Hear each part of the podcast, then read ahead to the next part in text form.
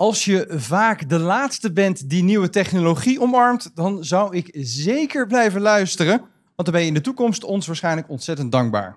Ik ben Marijn van de Universiteit van Nederland en in de komende 10 minuten geven wij je antwoord op de vraag: is de metaverse nu wel zo'n goed idee? Vanuit het Media Museum in Beeld en Geluid is hier iemand met een hele lange titel. Ik heb hem opgeschreven. Professor of Strategic, Professor of Strategic Design for Technology-Based Innovation. Gelukkig noemt ze zichzelf innovatie-expert. Hier is Deborah Nas van de TU Delft.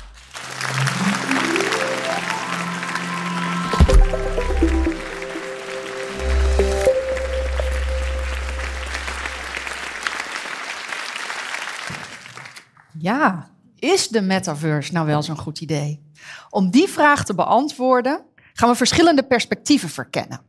En de metaverse die bestaat nog niet echt, maar mensen hebben er wel alle meningen over. Kijk even mee. Dat vind ik wel mee, ben ik wel een beetje huiverig voor. ik denk dat het gewoon weer super verslavend wordt, net zoals social media en gamen. Uh, begin er maar gewoon niet aan. Ik denk dat ik het ga proberen een keer. Lekker uitgebreid op de bank liggen en me laten verrassen. Het lijkt me hartstikke leuk om, uh, om dat in ieder geval een keer mee te maken, ja. Nee, nee, lijkt me niks. Ik denk dat ik het leuk zou vinden om, om, om kunst te maken. Ja, weet je, je, je gaat niet tegenhouden, denk ik. Dus uh, ik, bedoel, ik denk dat mensen ook vroeger bang waren voor de telefoon. In die wereld kan je ook kun je zelf onder. Kun je zelf ook superkrachten geven die je normaal alleen maar in animaties ziet. Ik uh, loop liever gewoon in de echte wereld rond, denk ik. Ja. Ik maak liever een wandelingetje. Ja, zoals nu. Ik uh, ben nog lekker, lekker ouderwets. Zoals je in dit filmpje ziet, hebben mensen hele verschillende meningen. Sommige mensen focussen zich vooral op de gevaren van de metaverse en anderen die zien vooral de nieuwe mogelijkheden. Laten we samen eens die verschillende perspectieven verkennen. En dat doen we niet in virtual reality, maar dat doen we gewoon met onze eigen verbeeldingskracht. Dus ik wil jullie allemaal vragen om even je ogen te sluiten, een keer diep adem te halen en te ontspannen. Het is het jaar 2040 en technologie heeft zich sterk ontwikkeld. Virtuele werelden zien er levensecht uit en de brillen zijn zo licht en comfortabel dat je ze de hele dag op kunt hebben. Je ziet dat vooral kinderen en tieners een groot deel van de dag zo'n bril op hebben. Een van hen is de 15-jarige Sanne en ze vindt de metaverse geweldig. Je kent Sanne goed. Misschien is ze je dochter of je kleindochter of de dochter van een familielid. Je observeert Sanne en haar fascinatie voor de metaverse. Uren achter elkaar heeft ze die bril op en sluit ze zich af van de echte wereld. Je vraagt je misschien af wat dat doet met haar ogen en haar hersenen. Je maakt je misschien zorgen over wat ze daar allemaal doet in die virtuele wereld, want je hebt er helemaal geen zicht op. Wat maakt ze allemaal mee? Soms negatieve dingen. Je leest wel eens berichten over pesten of mishandeling of zelfs seksueel misbruik in de metaverse. En wat weten die grote techbedrijven allemaal van Sanne? En hoe gebruiken ze die data om haar te beïnvloeden? Je voelt je soms een beetje machteloos, want je kan niet met haar meekijken en je kan haar ook niet beschermen. Daarbij lijkt die virtuele wereld soms belangrijker voor haar te zijn dan de echte wereld. Sinds de metaverse populair is, voelt het alsof het contact met Sanne veranderd is en je maakt je zorgen. Zouden we niet beter af zijn zonder die metaverse? Open nu langzaam je ogen. Als je, net als ik, al wat ouder bent, dan kun je misschien dit scenario heel makkelijk voorstellen. Mijn ogen en mijn hersenen raken heel snel vermoeid als ik zo'n VR-bril op heb. En eigenlijk vind ik het gewoon een heleboel gedoe. Um, en als ik me voorstel dat mijn kinderen een groot deel van de dag in de metaverse zitten, dan zie ik wel de voordelen, maar ik voel het gevaar. Mijn kinderen die zien dat heel anders. Zij voelen zich volledig thuis in die virtuele werelden. Laten we nu eens dat andere perspectief verkennen. Sluit opnieuw je ogen. Haal een keer diep adem. En je ziet opnieuw Sanne. En dit keer stap je in de schoenen van Sanne. Je bent nu Sanne. Je bent 15 en je zit in 4 HAVO. Je hebt een lange dag gehad op school en je kijkt er naar uit om te ontstressen in de metaverse. Je komt thuis, zegt je ouders gedag, gaat naar je kamer en zet een VR-bril op. Je stapt de metaverse binnen en je vrienden en vriendinnen van school die zijn er al. Hé, hey, je nichtje is er ook. En heel veel andere vrienden en vriendinnen die je in de virtuele wereld hebt ontmoet. Ze komen allemaal graag bij jou langs in je zelfgebouwde villa, die vol hangt met zelfgemaakte interactieve kunst. Je bent zelfs een beetje een bekende kunstenares aan het worden in de metaverse. Je hebt nooit een bad hair day. Je ziet er altijd geweldig uit. Je hebt mega veel kleding en je reist de hele wereld over. Je kunt met iedereen praten, want als jij in het Nederlands spreekt, dan hoort de ander dat realtime in zijn eigen taal. Je hebt de zeven wereldwonderen gezien, de jungle ervaren, je bent op Mars geweest, je bent in niet bestaande werelden geweest en je gaat regelmatig shoppen met je vriendin in New York. De metaverse is één grote ontdekkingsreis. Je kunt er alles leren en ervaren, ook als het niet bestaat. Plots verschijnt mama. De thee is klaar. Tijd om terug te keren naar de fysieke werkelijkheid. Je zegt je online vrienden gedag en zet je VR-bril af. Open nu rustig je ogen. Je bent weer terug in het Mediamuseum. Je mag weer allemaal jezelf zijn. Hoe was het om die twee verschillende perspectieven op de metaverse uh, te ervaren? Heb je nieuwe dingen ontdekt? Uh, en waar herken je je nou het meeste in? In dat perspectief wat zich focust op de gevaren? Of het perspectief wat zich focust op die ongekende nieuwe mogelijkheden? Waar jouw voorkeur ligt, is onder andere afhankelijk van je persoonlijkheid, van je waarden en overtuigingen en van je ervaringen met technologie door de jaren heen. En wat je focus ook is, de realiteit is dat media-innovaties onze maatschappij en onszelf continu veranderen. Radio heeft veranderd hoe we nieuws consumeren. Televisie heeft veranderd hoe we naar de wereld kijken. De computer heeft veranderd hoe we werken. En de mobiele telefoon heeft veranderd waar, wanneer en hoe vaak we communiceren. Wat vinden we daar nou eigenlijk van? Het interessante is dat het best wel uitmaakt of we terugkijken of vooruitkijken. Laten we de mobiele telefoon als een voorbeeld nemen. Zonder mobiele telefoon zouden we op dit moment niet de vrijheid hebben om overal waar wij zelf voor kiezen om te werken, te kunnen werken. We zouden ook niet bereikbaar zijn voor onze kinderen of onze hulpbehoevende ouders uh, als er iets aan de hand is. Maar toen de mobiele telefoon opkwam, toen zagen we het vooral als een aantasting van onze vrijheid en een inbreuk op onze privacy. Nu we een mobiele telefoon hebben, willen we onze bereikbaarheid niet kwijt. Maar toen we hem nog niet hadden, wilden we onze onbereikbaarheid niet kwijt. Bij de opkomst van een nieuwe technologische innovatie horen we vaak vooral het geluid van twee kleine groepen. De technologie-optimisten, de enthousiastelingen en de critici. De technologie of de, en de metaverse-enthousiastelingen, die schetsen voor ons een beeld van de toekomst waarin ons sociale leven verrijkt. We kunnen iedereen ontmoeten, onafhankelijk van de locatie of de taal.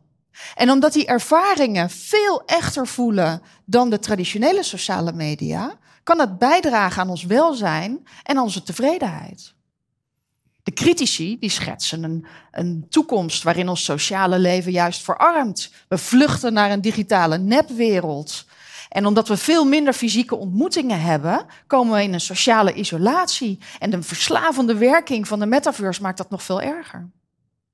De metaverse-enthousiastelingen die schetsen een toekomstbeeld waarin de ongelijkheid in onze maatschappij verkleint. Want je sociale status in de echte wereld die doet er niet meer toe. Ook als je in een rolstoel zit kun je volwaardig deelnemen. En als je weinig geld hebt kun je ook de wereld overreizen.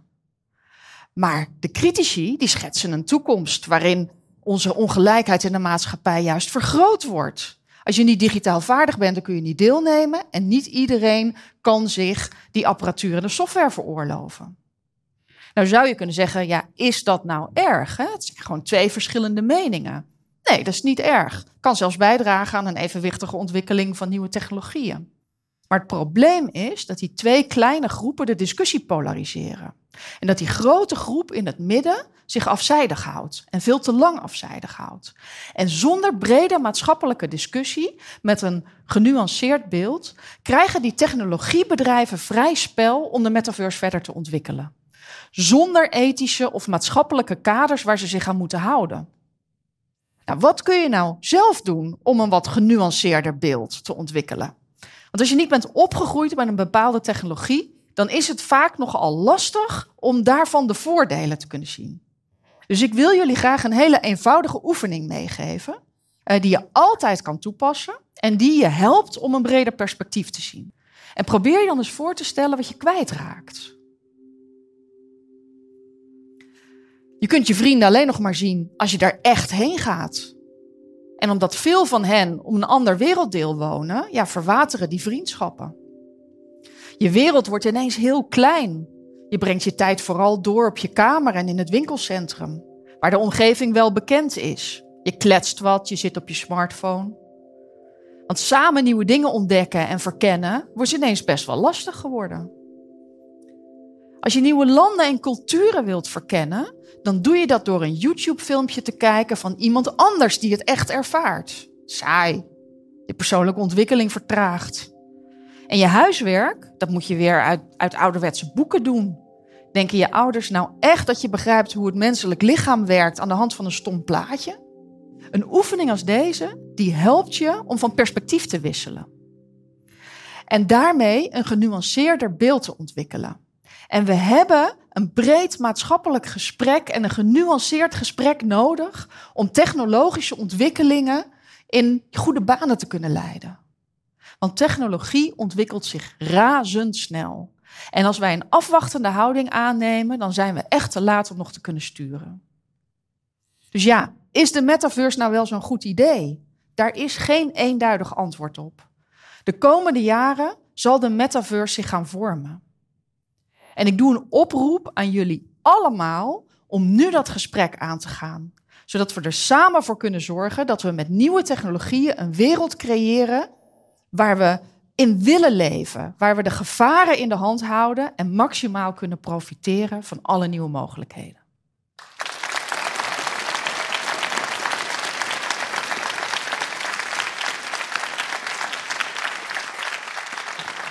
Dankjewel. Goed verhaal zeg. Ja. Dat vind ik hè. Is, is iemands eh gedachte veranderd over de metaverse de afgelopen 10 minuten? Ja, ja, Ja. ja. ik zie wat voorzichtige vingers.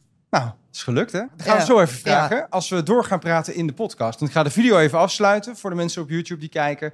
Ehm, vergeet je niet te abonneren op ons YouTube kanaal. Maar als je verder wil luisteren, dan kan dat in de Universiteit van Nederland podcast natuurlijk. Maar dan gaan we nog even een vraag- en antwoordspelletje doen. In audio. Oké, ik zag hier een vinger van iemand die wiens perspectief was veranderd. Nou, ja? Ja, ja, ik was eigenlijk eerst zelf in de kritische eh, aspect meer. Want eh, ik ben zelf meer na al die films zien van bijvoorbeeld EA, tenminste VR, en dat het heel gevaarlijk is, was ik er zelf heel erg tegen. Maar nu dat ik het hoor dat het ook heel veel voordelen heeft en dat het een beetje je wereld meer en breder maakt en groter maakt, vind ik wel dat het wel goed is dat uh, VR-bril op hun kop hebben en dan kunnen ze zichzelf meer uitbreiden dan ik zelf mijn kleine wereld. Goed om te horen, toch? Ja. ja. Zijn er vragen voor Deborah? Kijk hiervoor. Ja, ik, ik denk een klein beetje. Nou, ik ben niet heel, heel oud of zo, maar aan een soort van de, ehm, de realiteit van, een soort van het echte leven. Dat er ook veel toch slechte dingen gebeuren, naasten die misschien overlijden, dat soort dingen. En het lijkt me dan toch dat in zo'n rooskleurige wereld als de metaverse, dat daar best wel makkelijk dat te verbloemen is. En ja, dan vraag ik misschien eerder om jouw mening, maar wat denk je dat, dat juist het dealen met dat soort moeilijke dingen misschien juist lastiger wordt voor zo'n nieuwe generatie? Eh, ja, je, kan vanaf, eh, je kan vanuit allerlei perspectieven naar, naar deze vraag kijken. En ehm, ik denk dat je dat niet kan zeggen. We weten nog helemaal niet eh, welke kant die digitale wereld zich op gaat ontwikkelen. En we hebben, welke normen en waarden we daar gaan hanteren. Misschien wordt het wel best wel een enge, nare plek. Op, op, in ieder geval sommige delen van die, die, van die virtuele wereld. Dat hebben we in de echte wereld ook. Dus ja, waarom zou dat in die virtuele wereld niet gebeuren? Daar zie ik eigenlijk nog niet echt een reden voor. Tenzij we dat gaan verbieden en reguleren. Dat is natuurlijk best wel lastig. En de andere kant van het verhaal is dat. ehm, die technologie ook kan helpen om die emoties te verwerken. Dus je ziet al best wel veel toepassingen nu opkomen in de medische hoek, waar mensen met trauma's bijvoorbeeld in VR dingen kunnen herbeleven om dat te kunnen verwerken. En er is een hele, nou, ik vind best wel een heftige documentaire uit Zuid-Korea, waar een moeder uh, haar dochter had verloren, zeven jaar oud, aan een ernstige, een ongeneeslijke ziekte. En zij kon dat rouwproces eigenlijk niet door. Ze kon het niet verwerken. En ze heeft eigenlijk twee jaar gehuild. Uh, en er was weinig aan te doen. En toen hebben ze aan de hand van uh, beeldmateriaal en videomateriaal... hebben ze die dochter in VR gecreëerd. En in eerste instantie denk je, oeh, dat vind ik best wel spooky. Um, maar als je dat ziet, dan is dat dus eigenlijk een moment voor die moeder om die dochter weer te zien en vast te kunnen houden, soort van vast te kunnen houden, en een stap te zetten in dat rouwproces. En dan is het eigenlijk ook weer heel mooi. Het wordt heel spooky als je dat kind in leven zou houden in die virtuele wereld. En die moeder daar eigenlijk als een soort van toevlucht naartoe gaat. Er is een hele interessante Black Mirror aflevering over. Ik weet niet of je het gezien hebt. Maar die is heel goed.